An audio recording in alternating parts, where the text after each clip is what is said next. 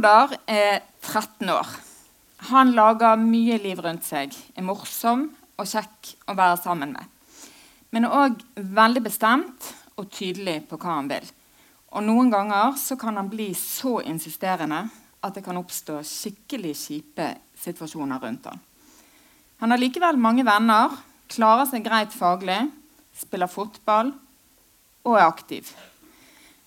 Men Sander han har ofte en sånn utrolig ekkel følelse inni seg. Han føler seg så kjip, slem og hensynsløs. Særlig hvis han har sagt eller gjort drøye og egentlig veldig dumme ting. Som hvis han banner eller skjeller ut andre, eller som den gangen når han sparket etter læreren. Men han blir bare så utrolig rasende. Det er nesten som om han ikke vet hva han gjør. Og så angrer han enormt etterpå og lurer på hva de andre syns om han. Han skulle så veldig gjerne ønske at han var annerledes. Men han får det bare ikke til. Han gjør jo de samme tingene om og om igjen. Og samtidig så blir han bare så utrolig irritert og sint når foreldrene maser på han om nettopp disse tingene. At han må være grei, ta hensyn, la andre komme til orde. Ikke havne i så mange konflikter. Som om det er noe han velger frivillig. Han hater når mamma blander seg. Alltid så skal hun fortelle hvordan han burde eller kunne gjort ting annerledes. Og så er hun på repeat i forhold til at han må ta hensyn til Siri, lillesøsteren på ni år. Hun er jo bare en pest og en plage. Gjør og sier alt det riktige. Er så snill og grei. Han spyr. Hun er alt det han ikke er. Og så bekymrer mamma seg hele tiden. Akkurat som hun tror at han kommer til å ende opp som en eller annen morder eller terrorist. Åh, han blir bare så utrolig irritert på henne. Og det der bekymrede blikket. Og pappa, han bare kjefter. Og når han ikke kjefter, så virker det nesten som om han ikke bryr seg. Men ok, han blander seg i hvert fall ikke. Anne, mor til Sander, er fortvilet og lei seg. For hun føler at hun mister grep om sønnen. Hun syns han har blitt så tverr og mutt, og så vil han ikke høre på henne. Og så har han liksom begynt å miste det der livlige. Han som alltid har levd i alle ender. Han har jo alltid vært ganske krevende, og hun har jo mange ganger ønsket at han skulle roe seg ned litt. Men dette, at han liksom alltid bare trekker seg unna, er irritert på henne hele tiden, vil liksom ikke ha noen ting med henne å gjøre. Det er som at alt hun sier og gjør, er feil. Og så blir hun utrolig oppgitt over Truls, mannen sin, faren til Sander. For han kjefter jo hele tiden. Anne syns det er helt utrolig ubehagelig og syns egentlig at Truls bør skjerpe seg. Hun skjønner jo selvfølgelig at Sander må lære å oppføre seg. Og hun kan jo selvfølgelig òg forstå at Truls blir utrolig provosert av han. Men hun syns likevel at han blir for streng. Hun vet jo at Truls syns at hun er utrolig sånn dillete, og at hun bekymrer seg altfor mye for Sandra. For Sander sier hele tiden at det ikke er noen ting å bekymre seg for. Og så mener han at Sander liksom må tåle å få litt kjeft. Men tenk om de ødelegger han? Anne skulle ønske at de kunne stå mer sammen. Hun føler seg så utrolig alene. Det er hun som blir liggende våken og på en måte gruble på hvordan hun kan hjelpe Sander og Siri til å bli bedre venner. og tenke på hvordan de kan komme i posisjon til å få vite hva som egentlig plager Sander. Mens Truls han liksom bare valser inn, reagerer på impuls, farer opp hvis det er et eller annet han er misfornøyd med, og så stikker han på trening eller ut i hagen. eller et eller annet. Og så er det hun som blir stående igjen om å fikse og reparere. Det føles utrolig urettferdig, og så kjennes det veldig ensomt. Kunne de ikke bare blitt enige i hvordan de kan hjelpe hverandre, og ikke minst hvordan de kan hjelpe Sander. Men Truls syns jo tydeligvis ikke at Sander trenger noe hjelp. Mens hun ja, hun er faktisk helt livredd for det, hvordan det skal gå med han. Tenk om han ender opp som kriminell eller narkoman. De har jo bare så utrolig lite styr på han. Og hun blir så fortvilet. Truls, far til Sander, er drittlei den dårlige stemningen hjemme.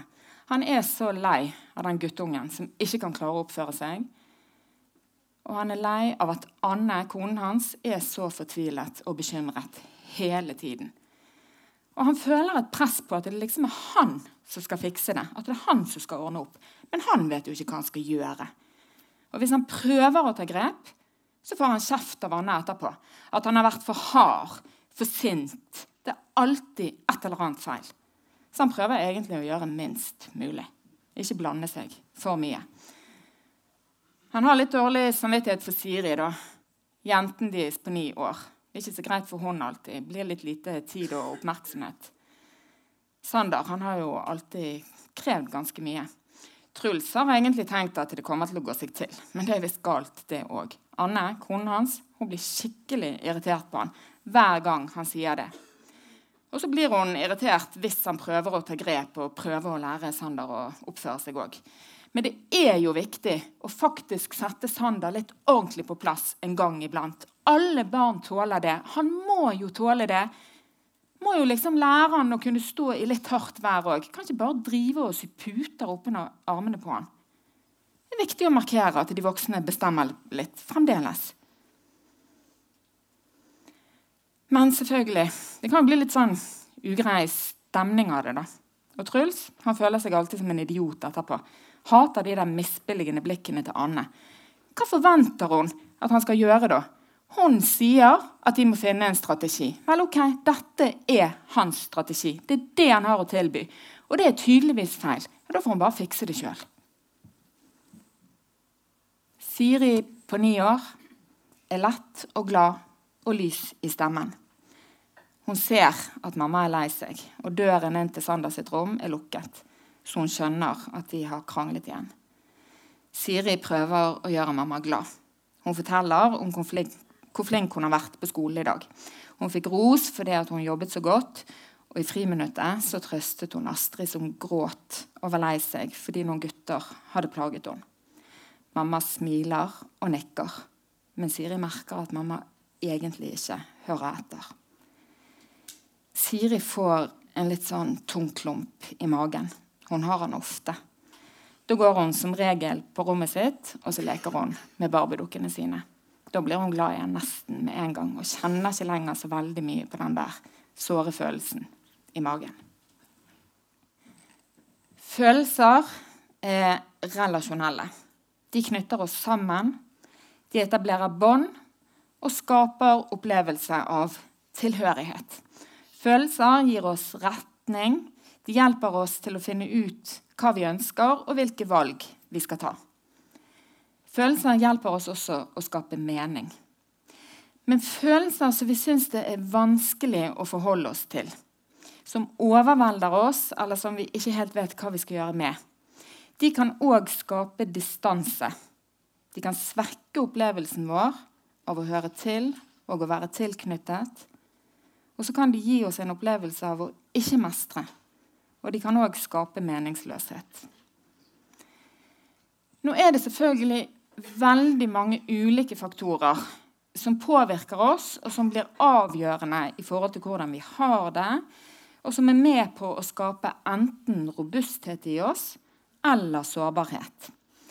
Mange ulike elementer, som gener og temperament, vennerelasjoner, relasjon til lærere, kulturen vi lever i, nabolaget vi bor i, økonomi, Mestring i forhold til skolefag, fritidsaktiviteter, jobb. Og så har vi livsbelastende hendelser, som at en bestevenn flytter, det å måtte skifte skole, skilsmisse mellom foreldrene, å bli mobbet, kronisk sykdom, pubertet. Livet, det treffer oss. Og så påvirker det oss på ulike måter. Men det vi kan ta kontroll over, og som òg bidrar til å bygge robusthet i oss, det er hvordan vi snakker om hvordan livet treffer oss. og hva det gjør med følelsene våre. Og så kan vi påvirke hvilket emosjonelt klima ungene våre skal vokse opp i i familien. For det er ikke nødvendigvis det som skjer, som kjipe enkelthendelser, eller den eller de gjerne helt uunngåelige traumatiske hendelsene som vi er utsatt for i livet, som nødvendigvis skaper de største vanskene for oss. Og som nødvendigvis påvirker oss mest i forhold til hvordan vi har det i livet vårt. Men heller hvordan omgivelsene våre faktisk responderer på det som skjer. Og hvordan vi blir møtt i det som oppleves som smertefullt for oss. Både stort og smått. For hvor mange av oss har ikke prøvd å gå for den lyse siden og på en måte avlede eller til og med avvise både partneren og egne barn når vi ser at de har det vanskelig? Rett og slett fordi vi ikke orker at de skal bli enda mer bekymret eller lei seg enn det de allerede er. Eller fordi at vi ikke orker å forholde oss til det vanskelige akkurat der og da. Som når Truls kommer hjem fra jobb og finner Anne litt matt i sofaen. Han spør pliktskyldigst hva det er for noe.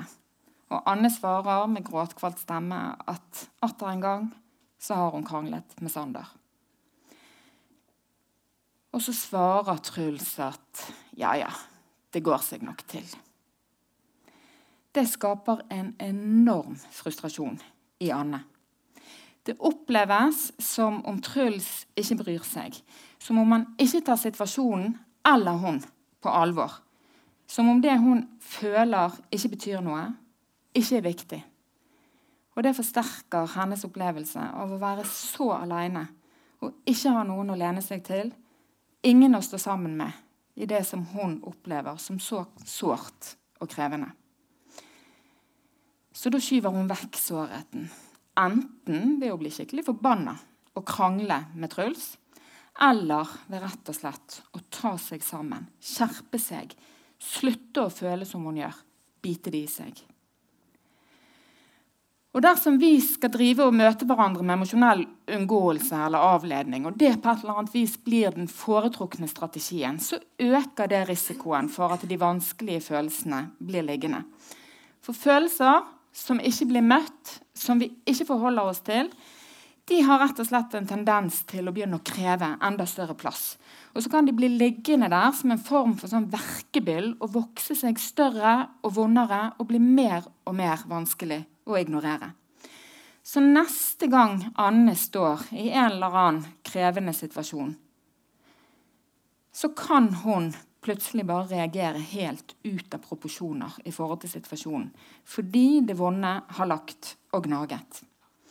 Så Sånne følelser kan bli veldig påtrengende, intensive og også eksplosive. Og gjøre oss emosjonelt labile.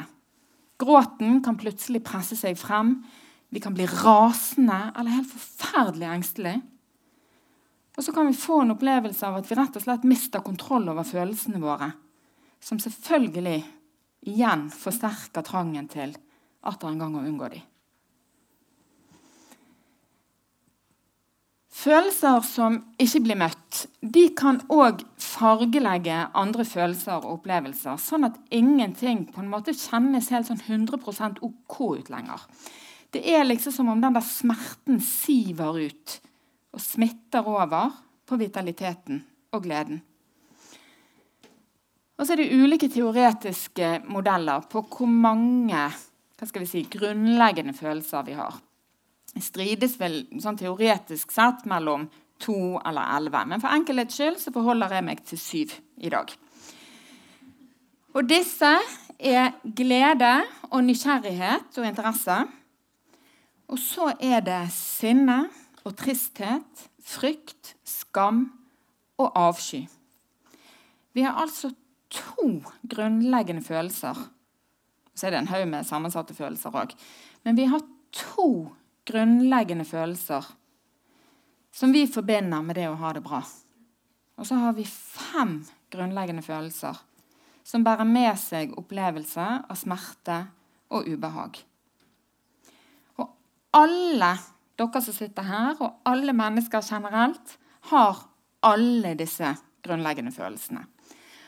Og barn de vil som regel svinge ganske raskt mellom ulike emosjonelle tilstander. Så alle dere som sitter her i dag, og som søker en litt sånn eh, glanset hverdag med glade, fornøyde, smilende unger og en partner som du liksom bare lever i harmoni med, lykke til. For det å ha det bra det er ikke nødvendigvis ensbetydende med å ikke kjenne på emosjonell smerte. Tvert imot. De aller fleste de opplever faktisk å få det betydelig bedre og å leve mye mer i takt med seg sjøl når de i større grad forholder seg til og tar på alvor de følelsene som måtte komme. For da slipper vi bl.a.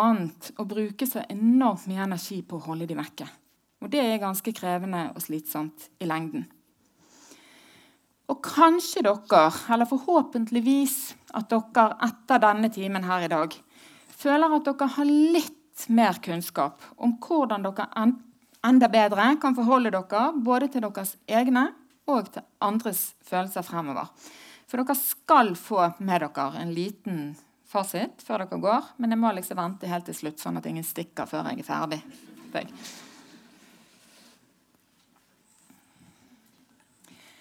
Enhver grunnleggende følelse består av fire komponenter. For det første så har hver følelse et navn, som frykt eller sinne eller tristhet. I tillegg så har hver følelse en kroppslig fornemmelse eller kropplevelse.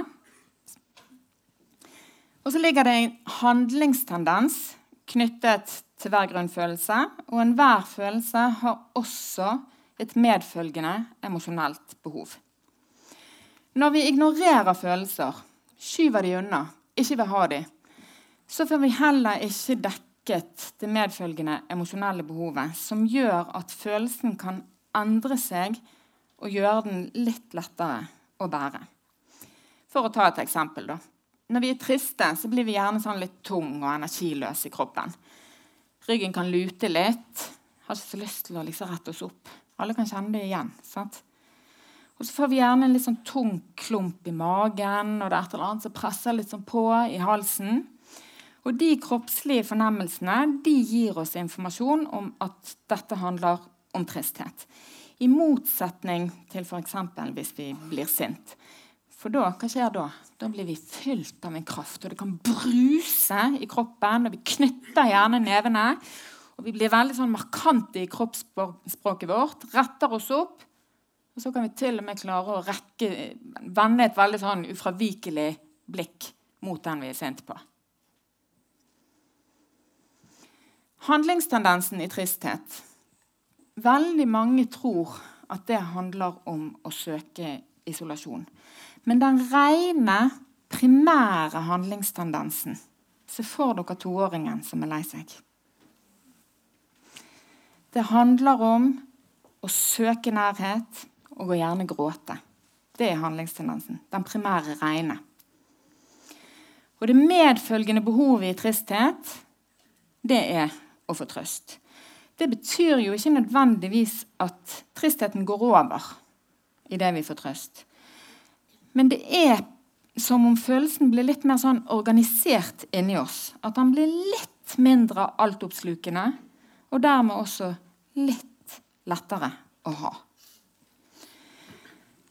Men så er det mange av oss da, som lærer i løpet av livet at det å gråte det er liksom ikke så veldig akseptabelt. At andre ikke helt tåler gråten vår. Vi kan til og med gjerne bli oppfattet som pyser. Og Dermed så lærer vi òg å gjemme vekk tårene våre. Men dersom vi skjuler oss og går alene med tristheten, så får vi heller ikke dekket det emosjonelle behovet. Noen av oss klarer å vise oss sjøl tilstrekkelig selvmedfølelse, og gjennom det også trøste oss sjøl. Men de aller fleste av oss ender opp med å heller kritisere oss sjøl for at vi har det sånn som vi har det. At vi i det hele tatt er lei oss. Og på en måte krever av oss sjøl at nå må du være sterk. Ikke være så svak. Kjenner dere det igjen? Og så skyver vi dermed tristheten unna. Og da blir tristheten liggende der. Og ikke få det den egentlig trenger, nemlig trøst. Ikke trøst i form av en sånn sosse 'det går nok bra', skal du se. Men trøst i form av at noen faktisk er med oss i det triste. Holder det ut. Orker å sitte der sammen med oss uten å prøve å ta det vekk. Og det å skyve vekk eller kritisere oss sjøl for at vi har det sånn som vi har det, kreve at vi liksom bør ha det annerledes, det kan vi gjøre med andre følelser også. Handlingstendensen i sinne det er å markere seg sjøl. Si ifra. Hit, men ikke lenger. Sette grenser. Og Det medfølgende emosjonelle behovet i sinne det handler om selvhevdelse. Å få anledning til å stå opp for seg sjøl. Og tenk så utrolig viktig det er. F.eks. nå i lys av metoo-kampanjen. Vi ønsker jo virkelig selvhevdende gutter og jenter som tør å si ifra om hva som er greit og ikke. Men så går jeg ut ifra at det er flere enn meg da, som sånn på hjemmebane veldig aktivt jobber med å dempe ungene sine sitt behov for selvhevdelse. Eller er jeg helt alene om det? Og som på en måte glemmer det livsnødvendige i den kraften sånn i hverdagen. Min datter hun er enebarn. Og så er jeg så utrolig redd for at hun skal bli sånn egoistisk, selvsentrert unge. Et sånn typisk enebarn. Finnes de? Jeg vet ikke. Men jeg er redd for at hun skal bli det. Og jeg snakker snakker og snakker om hvor utrolig viktig det er å ta hensyn, og at hun må forstå at når andre barn gjør dumme ting, så er det fordi at noe er vanskelig. Altså, Jeg vet ikke om det er sant engang. Noen ganger så gjør vi bare kjipe ting fordi at vi gjør kjipe ting. Og Her om dagen så var det da en medelev som hadde sagt noen utrolig kjipe ting til henne, skjelt henne ut. Og Det var så graverende at læreren hennes faktisk ringte igjen til oss om kvelden og spurte hvordan det gikk med oss. Eller ikke med oss, men med hun. Men hun kunne godt spurt hvordan det gikk med meg òg. Og så må jeg jo bare si at jeg skammer meg når jeg nå skal fortelle at når min jente kom hjem og fortalte om dette tidligere på dagen, da var mitt fokus å liksom skulle hjelpe henne til å forstå at denne medeleven har det skikkelig trøblete akkurat nå. Og min jente, hun ble så fortvilet. For det hun hadde trengt, det var jo at jeg hadde hatt fokus på å støtte hun i hennes rett til å si stopp. I hennes rett til å sette grenser. Hun hadde et behov for at jeg liksom støttet henne i hennes opplevelse av at vet du hva, sånn er det faktisk ikke ok at andre behandler deg. Og så hadde hun hatt behov for at jeg ble skikkelig indignert på hennes vegne. Men psykologmoren ble veldig opptatt av atter en gang å liksom formane hun om å vise forståelse for den andre. Og Hvis det etablerer seg som et mønster hjemme hos oss Det kan godt være at det allerede har, men jeg har heldigvis en mann som kanskje korrigerer meg litt på det. Men hvis jeg, og hvis jeg ikke liksom klarer nå fremover å gjøre en endring på det Hvis jeg ikke husker på å fremme hennes rett til å si nei, så vil hun faktisk lære hjemme hos meg at hun må skyve vekk egen selvhevdelse. At den har ikke hun rett til å ha. Og så kommer hun da til å ta det med seg inn i voksenlivet sitt. Og I sin verste konsekvens så kan hun da ende opp i en dritdårlig parrelasjon. Fordi hun har lært at hun må være omsorgsfull for enhver pris. Og ikke ha lov til å kjenne på egne grenser i forhold til hva som er ok for hun. Så disse grunnleggende emosjonene, inkludert sinne, de er livsviktige motivasjonelle krefter i oss. Og Det er derfor det også er mer smerte enn gøye følelser. For det gjelder overlevelse, og det gjelder særlig varetagelse. Og Så skiller vi mellom det vi kan kalle for grunnleggende eller primære følelser, og det vi kaller sekundære følelser. Den grunnleggende følelsen det er vår umiddelbare emosjonelle respons i situasjonen, eller på situasjonen. Derav primær. Det er den som kommer først. Sekundære følelser de kan legge seg over grunnleggende følelser i et forsøk på nesten å beskytte oss mot den primære følelsen. For primære følelser de kan noen ganger føles for smertefulle og vonde. Vi kan føle oss for overlatt til oss sjøl i det. Eller vi kan kjenne at det ikke er akseptabelt at jeg har denne følelsen. Og alle grunnleggende følelser kan være både primære og sekundære. Så hvis sønnen din f.eks. har lært at tøffe gutter ikke gråter, så kan han ende opp med å vise sinne når han egentlig er trist. Det er på en måte deal. Men alle følelser kan være både grunnleggende og sekundære.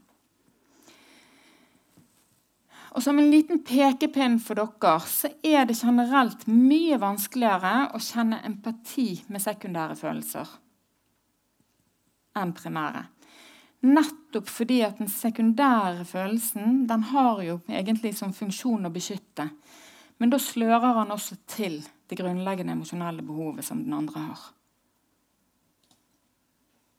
Så da kjenner man ikke helt hva den andre trenger. Vi kan ha erfart at det på en måte ikke er helt plass og rom for følelsene våre. At andre ikke tåler det, eller at følelsene våre er uforståelige for andre.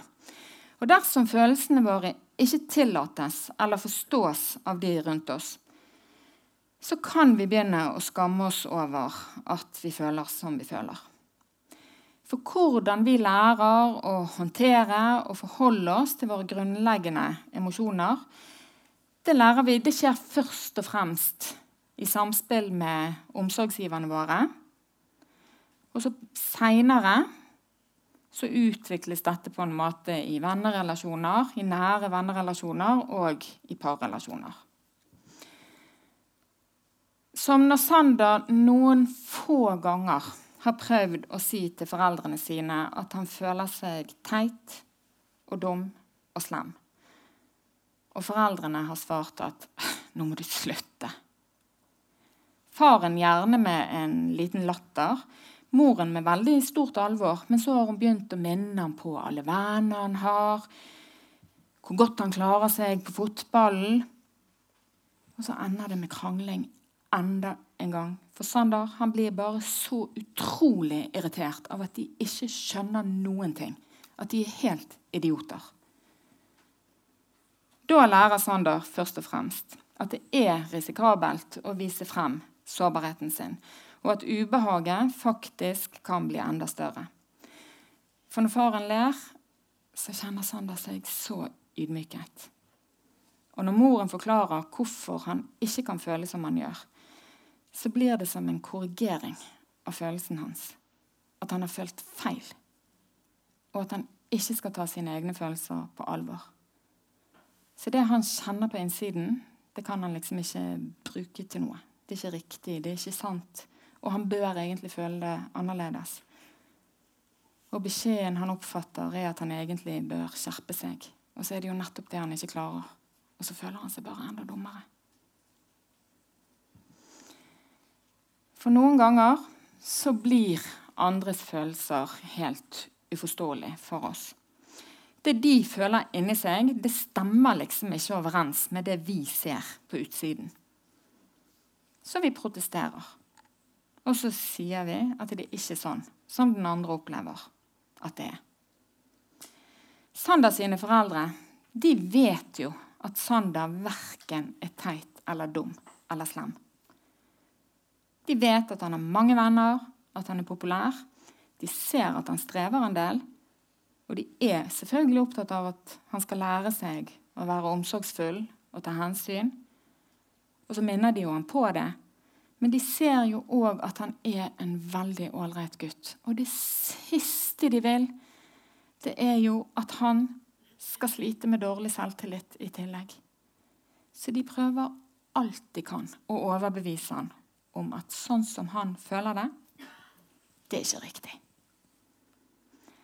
Anne, moren hans, blir også veldig opptatt av hvorfor Sander har det sånn. Som når Sander kommer hjem fra skolen og Anne merker at han er i dårlig humør. Da spør hun veldig ofte hva som har skjedd, eller om det har skjedd noe, og om det er derfor han er så sur. Og Som regel så reagerer Sander med å bli skikkelig sint på henne. Anklager henne for å mase og for å blande seg altfor mye. Så hun prøver jo òg å la han være. Ikke spørre for mye. Men hvordan kan hun hjelpe han hvis hun ikke vet hva som har skjedd, og hvordan han egentlig har det? Jakten på hvorfor det er sånn, det kan forstyrre oss i vår mulighet til å være sammen med den andre i det han syns er vanskelig. Og jakten på, på, hvorfor det kan også gi Sander en sånn forsterket opplevelse av at den følelsen han har, den er helt uforståelig. Selv mamma skjønner jo ikke hva det er. Og Dermed så kan han også bli i tvil om det egentlig er grunn til å ha det sånn som han har det. Og særlig for barnet, men kanskje det i bunn og grunn gjelder for oss alle, så er jo årsaken som regel mindre viktig enn at vi har det sånn. For vi har behov for å bli sett og anerkjent her og nå, i vår umiddelbare opplevelse. Og hvis andre klarer å forholde seg til at sånn er det for meg akkurat nå, så skjer det et eller annet inni meg. Det er akkurat som et eller annet faller på plass. Det blir litt mindre strevsomt å ha det sånn. Vi føler oss litt mer påkoblet den andre. Vi føler oss sett, og vi føler oss opplevd, og vi føler oss forstått. Og når andre kan forstå hvordan jeg har det, altså at det er sånn for meg på min innside, og det har du sett, så styrker det min tillit til at mine opplevelser er rimelige og at jeg faktisk kan stole på mitt indre, og ikke minst at jeg er berettiget mine følelser. Og at jeg ikke føler feil. Og det styrker både min evne til å forstå meg sjøl og mine egne reaksjoner, og så gir det meg faktisk også en kapasitet til å kunne forstå andre innenfra og å se meg sjøl utenifra. Og det er jo det som danner grunnlaget for empati og omsorg for andre. Ikke å bli fortalt at vi skal og bør være empatiske. Og liksom bli fortalt det med sånn pekefinger, at nå må du være snill og grei. Det gjør heller at vi nesten føler på en skamfullhet over at det, da er vi sikkert ikke empatiske og omsorgsfulle nok. Er dere med på den?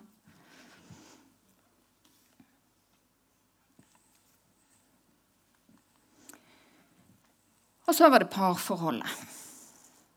Når vi går inn i romantiske relasjoner, så har vi med oss da fra barndommen vår tendenser til å unngå og å skyve vekk noen følelser. Og så vil vi ha en evne til å forholde oss veldig sånn åpent og avklart til noen følelser. Og andre følelser de vil kanskje være mer avhengig av situasjon og person som aktiverer det i oss, hvordan vi klarer å forholde oss til det. Og etter noen år i et parforhold så har vi etablert noen mønstre og en eller annen dynamikk som gjerne kan beskrives som parets emosjonelle sirkel. Der partneren din har lært deg hvilke følelser du tåler og ikke tåler, og hva han bør unngå og ikke unngå, og du har lært hva hvordan partneren din har det. Og Den sirkelen den lever nesten sitt eget liv uten at vi helt er det bevisst. Og Når vi krangler med partneren, så er det veldig sjelden det vi driver og krangler om, som er det egentlige problemet. Og så er det heller mer hvilke følelser den krangelen aktiverer i oss, som vi burde ha kikket litt nærmere på. Sånn som i situasjonen med Truls og Anne. Når Truls ser hun sitte der matt og fortvilet i sofaen. Truls han blir bare utilpass av å se henne der, ute av seg. Han vet at hun er fortvilet og lei seg, men han vet bare ikke hva han skal gjøre med det. Han vil bare at hun og Sander, ja, at de alle bare skal ha det bra. Og så skjønner han ikke helt hvordan han skal fikse det. Så han kjenner bare at han blir egentlig ganske sliten og lei av å se henne. Og at han egentlig gir litt opp nesten før han har begynt. For Truls han kjenner på fryktelig lite mestring i møte med sterke følelser. Så han vil egentlig bare vekk fra det.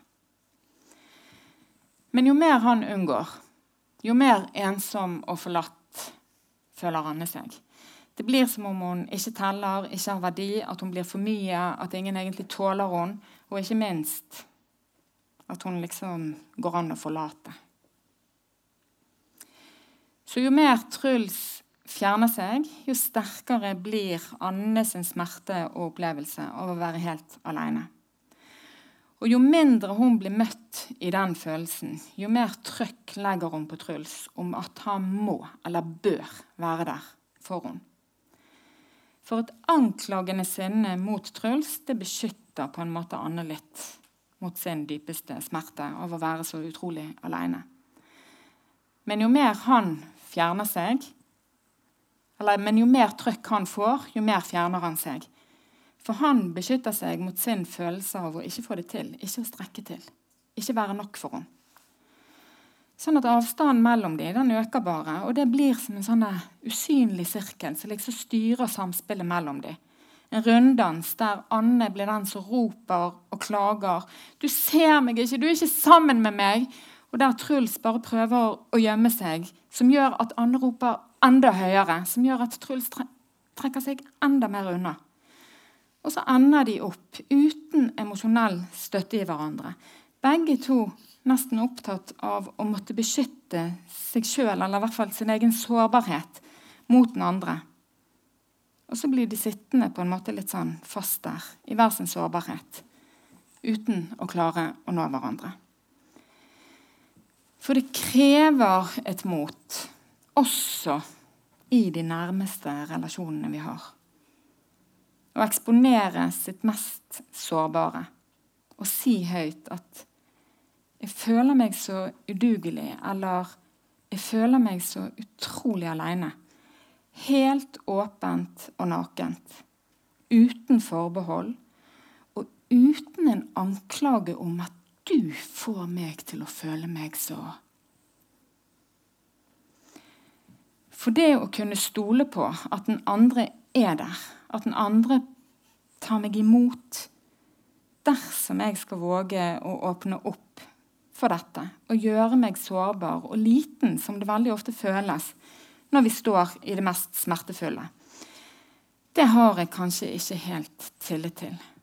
For kanskje jeg har så mange erfaringer både fra tidligere i livet mitt, men kanskje også nå, i denne relasjonen, at det kan jeg på en måte ikke helt tillate meg. Jeg kan ikke stole på at det går bra. Og dermed så øker avstanden mellom meg og partneren min. Barna våre de oppfatter også sånne type emosjonelle signaler om hva vi aksepterer, tåler, og hva vi ikke liker å snakke om, og hva vi ikke vil forholde oss til. Og Emosjonelle mønstre de kan etablere seg. Og så kan de oppfattes av barna våre på helt andre måter enn det vi egentlig helt har forutsetninger for å forstå eller aner rekkevidden av. Som for Siri. Hun oppfatter beskjedene som foreldrene gir til Sander. Det er så viktig å være grei og omsorgsfull, passe på at andre har det bra. Så Siri hun gjør alt hun kan for at foreldrene skal være fornøyd med henne. Hun prøver å følge alle regler. Hun er samvittighetsfull, pliktoppfyllende, gjør oppgavene sine sånn som hun skal. Hun er blid og fornøyd og prøver å gjøre alle rundt seg glad, inkludert foreldrene sine. Men så får hun det til. For de fortsetter å være sint og lei seg uansett hvor mye hun prøver. Og da blir det veldig ofte en sånn utrolig kjip, ekkel følelse inni Siri om at hun ikke strekker til, at hun ikke er god nok. Og det er så flaut og dumt å ikke være nok. Så det forteller hun ikke til noen. Og ikke har hun ordene for det. Og egentlig så forstår hun knapt hva det er som skjer. Så hun skyver det vekk, og så dekker hun over det med smilet sitt og jobber enda hardere for å være føyelig og grei og håper at det etter hvert skal bli godt nok. Og da hjelper det på en måte ikke med rasjonelle argumenter om at det ikke er sånn. Noen ganger så kan det selvfølgelig være godt å bli motsagt. At noen protesterer på at tanker og følelser vi har om oss sjøl, ikke er riktige. Men hvis følelsen stikker dypt, så varer det som regel ikke. For følelsene våre de er som regel ikke så veldig rasjonelle. Vi kan tenke oss som for enkelhets skyld en tredeling av hjernen, der lillehjernen representerer de instinktive responsene fight, flight, freeze. Over der så ligger mellomhjernen, eller følelseshjernen, med hukommelse og følelsessenteret. Og over der tenkehjernen, eller kapteinen på skuten, kan vi òg si. Der ligger evnen vår til å forstå språk, til å kunne snakke, til å organisere, planlegge, strukturere, ha oversikt, fortolke. Men når vi blir emosjonelt aktivert, og det blir litt sånn at følelsene liksom tar veldig stor plass og nesten tar litt over i oss, da forlater veldig ofte denne kapteinen skuten.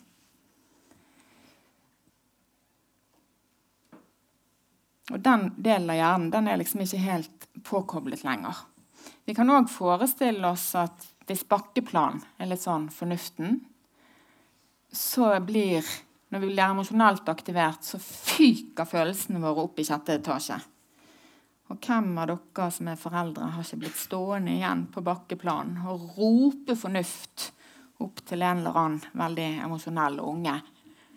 Du må huske at du må være eller nå, hvor mange ganger har ikke vi snakket om dette? Og ungene våre de har virkelig ikke sjans til å høre oss.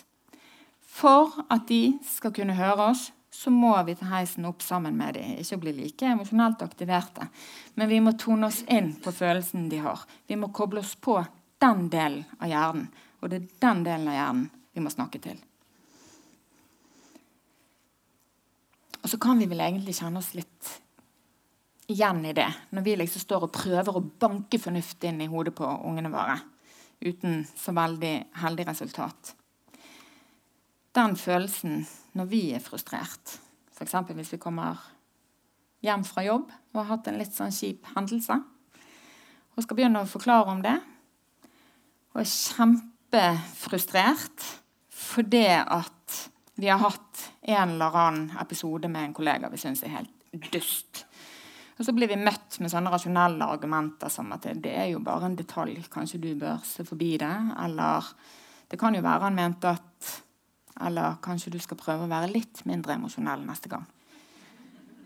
Da er det flere enn meg som blir irritert, håper jeg.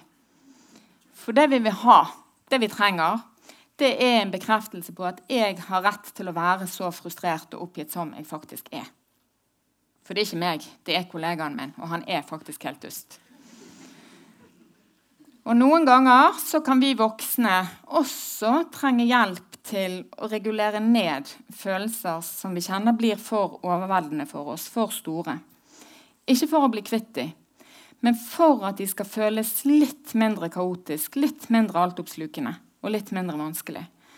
Og Andre ganger så kan også vi som voksne trenge hjelp til å få de regulert opp. Sånn at vi rett og slett føler noe i det hele tatt. Og kan kjenne og ta utgangspunkt i det for å finne ut hvordan vi egentlig har det. Og Ungene våre de er faktisk født uten reguleringsevne. de. Men gjennom samregulering med oss som foreldre så lærer de at følelsene, våre, følelsene deres er til å holde ut sammen med oss. Og sammen med oss så kan de bli rolige igjen. Og vi som foreldre vi identifiserer helt intuitivt veldig mange av spedbarnets følelser. Og så våger vi faktisk å gjette på resten. Og så beskriver vi barnets indre tilstand. Setter ord på opplevelsen. 'Det likte du ikke.' Eller 'du vil ikke ha det sånn', eller 'åh, det var godt'. Og så anerkjenner og aksepterer vi at barnet har det som det har det, og så sikrer vi barnet den nærhet og trygghet som gjør at følelsen i barnet kan roe seg. Og nå nærmer vi oss fasiten. For sånn blir vi det vi kan kalle for våre barns emosjonsveiledere. Men så har vi en tendens da, til å stoppe litt opp. For når barnet snakker rent, så tror vi plutselig at da er de liksom ferdig organisert inni seg òg. Og så overvurderer vi barnets emosjonelle kompetanse. Og Veldig ofte så spør jo vi til og med fireåringen hvordan har du det. Eller hvorfor er du så sint? Som om de har forutsetninger til å svare på det. Det er altfor vanskelig. Og så overlater vi de i litt for stor grad til seg sjøl. Og beskriver og anerkjenner i litt mindre grad enn det de har behov for. For husk hjernen vår og vår evne til følelsesregulering den er faktisk ikke ferdig utviklet før vi er i midten av 20. Kanskje ikke før vi runder 30-årene. Og jeg er nesten overbevist om at senere, eller fremtidig forskning vil finne at den evnen den er på en måte aldri helt ferdig utviklet. Vi kan alltid lære. Og tenk så vanskelig puberteten er. Hvor disse stakkars ungdommene våre ikke vet opp og ned på seg sjøl. Da trenger de faktisk at mamma og pappa klarer å se på innsiden av de mer tydelig enn det de klarer sjøl. Og hjelper de med både selvregulering og selvorganisering av sitt indre. Eller selvregistrering. Men så er jo det bare så sinnssykt vanskelig. Det er supervanskelig og helt umulig å få til hele tiden. Selv for oss som er barnepsykologer og jobber med dette fra ni til fire hver dag. Og trøsten, det er at vi skal ikke være perfekte. Vi skal være gode nok. Og det som er godt nok, det er faktisk også det som er perfekt. For de aller beste foreldrene de er ca. 30% riktig emosjonelt inntonet på ungene sine. Men så misforstår eller overser eller protesterer de på 70% av barnets følelser. Så de gjør 70% feil. Men så gjør de en annen viktig ting. Og det er at de reparerer halvparten av de feilene de gjør. Og det er Og når de reparerer, så sier de gjerne at du, det der i sted Eller i går. Eller for fire uker siden.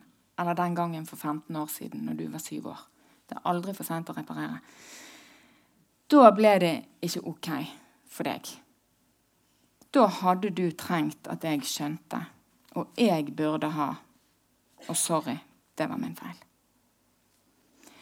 Og det er bedre enn å gjøre 70% riktig.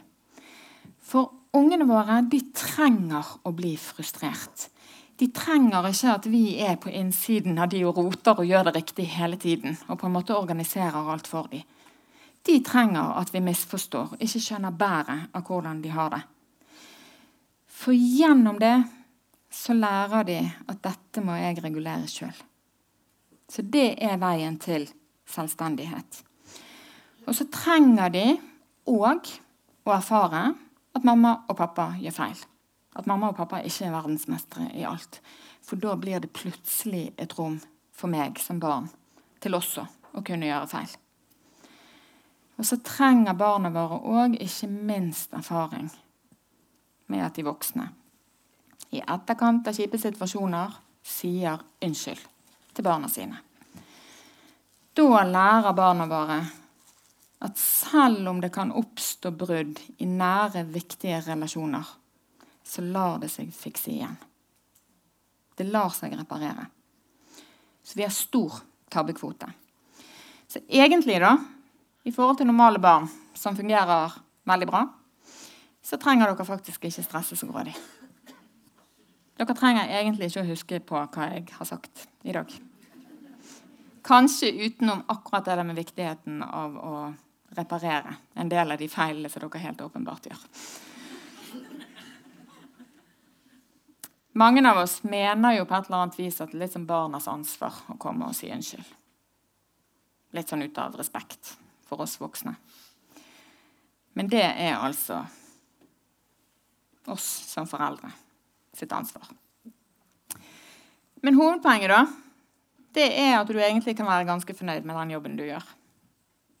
Og så kan du til og med slippe å bære på den kjipe, dårlige samvittigheten for alle blundene. For det er faktisk de som skaper vekst i barnets utvikling. Kan alle klare å ta det med seg i dag? Men så er det jo da en del barn som strever. Og mange av oss strever jo òg en del i parforholdet. Så her kommer fasiten. Er du spent nå? Og det er emosjonsveiledning. Det er det mest effektive verktøyet vi har i møte med andres emosjonelle smerte. Og så styrker det relasjonen, ikke minst. Så det er ikke bare liksom sånn å regulere, men det handler òg om at det skaper et viktig bånd. Det styrker båndet deres til både partner og barn. Og det, det har vi jo egentlig alle lyst til. Å komme enda nærmere.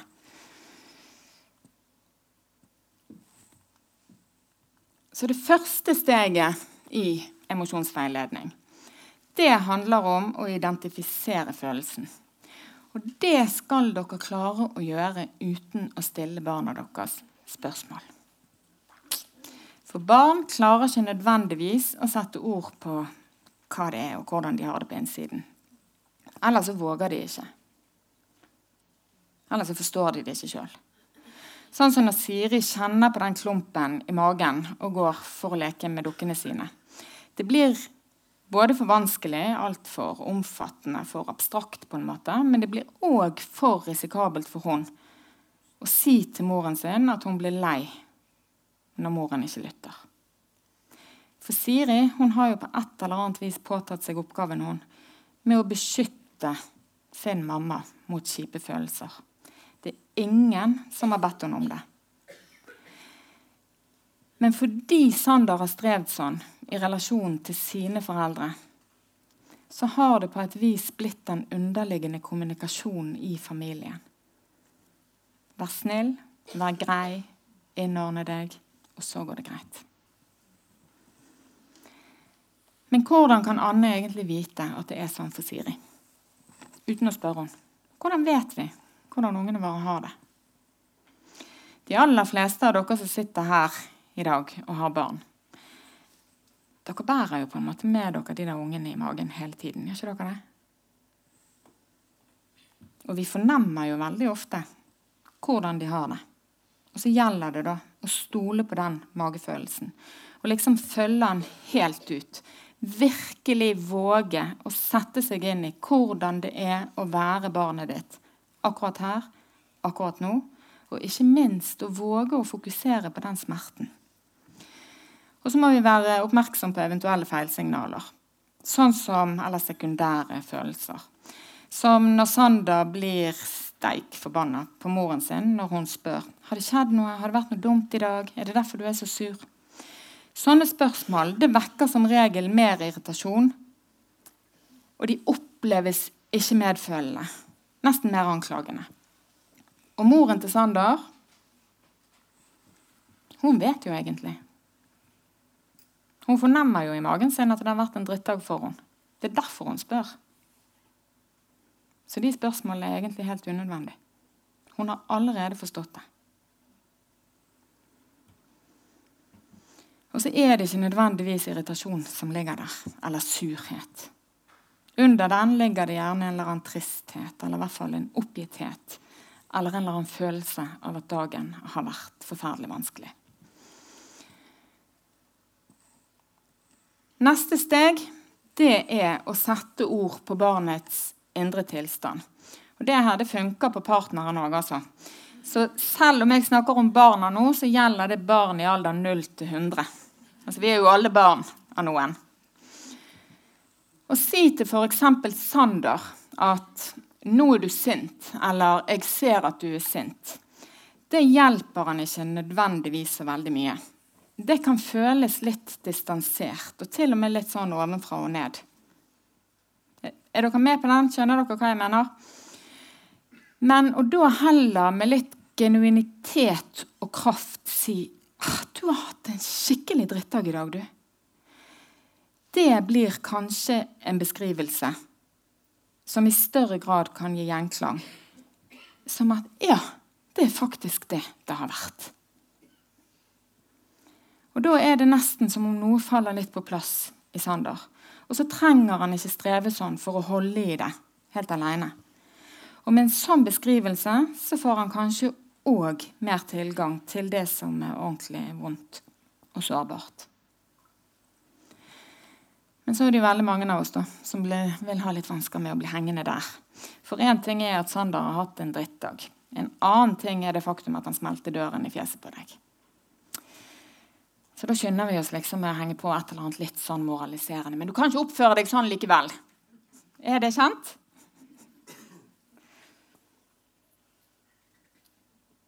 Men ungene våre Tror du at Sander ikke vet at han ikke skal smelle døren i fjeset på sin mor? Hvis du spør han i et rasjonelt øyeblikk? Vi overkommuniserer verdiene våre, hva som er viktig for oss, hvordan vi vil at de skal oppføre seg. Det er ikke det barn i hele denne byen som ikke vet at de bør være snille og greie, og at de ikke er lov å slå, f.eks. Og likevel så benytter vi jo veldig mange anledninger til å fortelle dem akkurat det. Men vi trenger faktisk ikke å benytte de sårbare øyeblikkene til å fortelle dem det enda en gang. De vet det. Så erstatt men med fordi.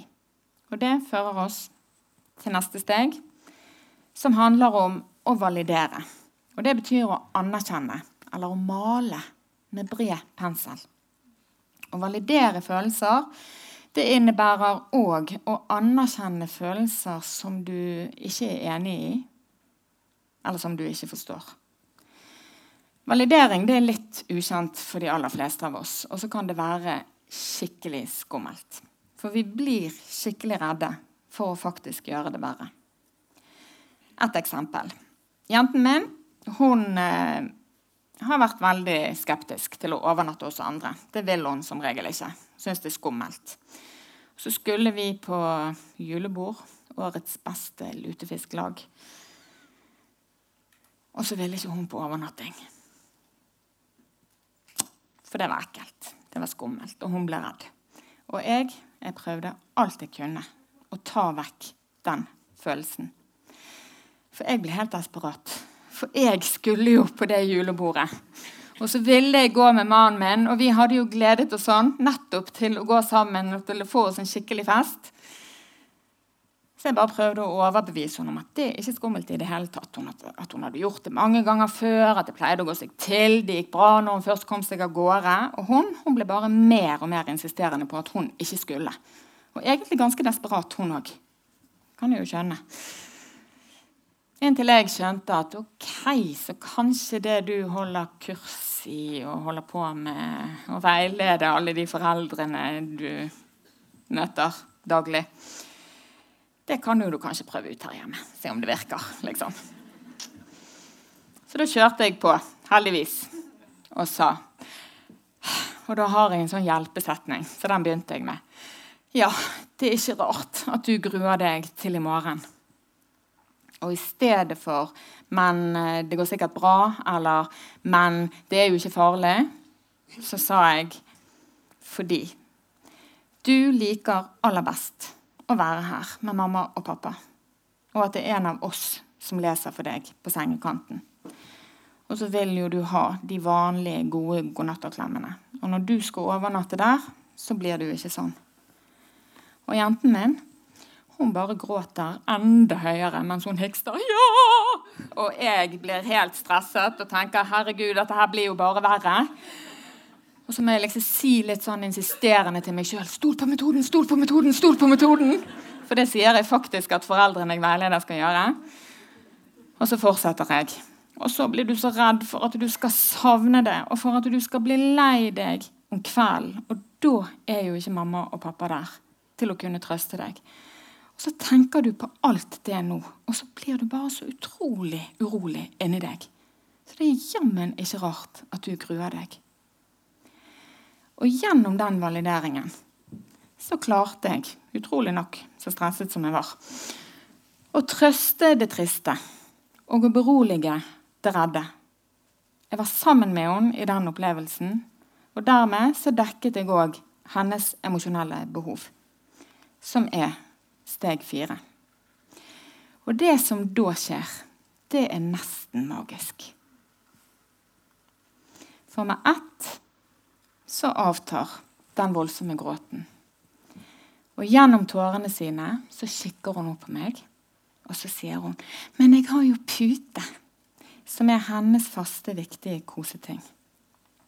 Og den kan hjelpe. Den kan hun bruke hvis det skulle bli for ille. For når behovet møtes, så roer smerten seg. Og da vender kraft, vitalitet og mobilisering tilbake. Og vips, så evnet hun, og ikke minst hadde kapasitet og overskudd nok til å rett og slett fikse sitt eget problem.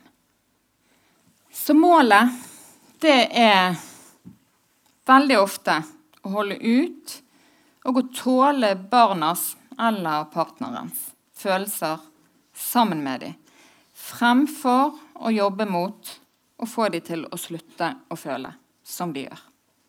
Tusen takk for oppmerksomheten.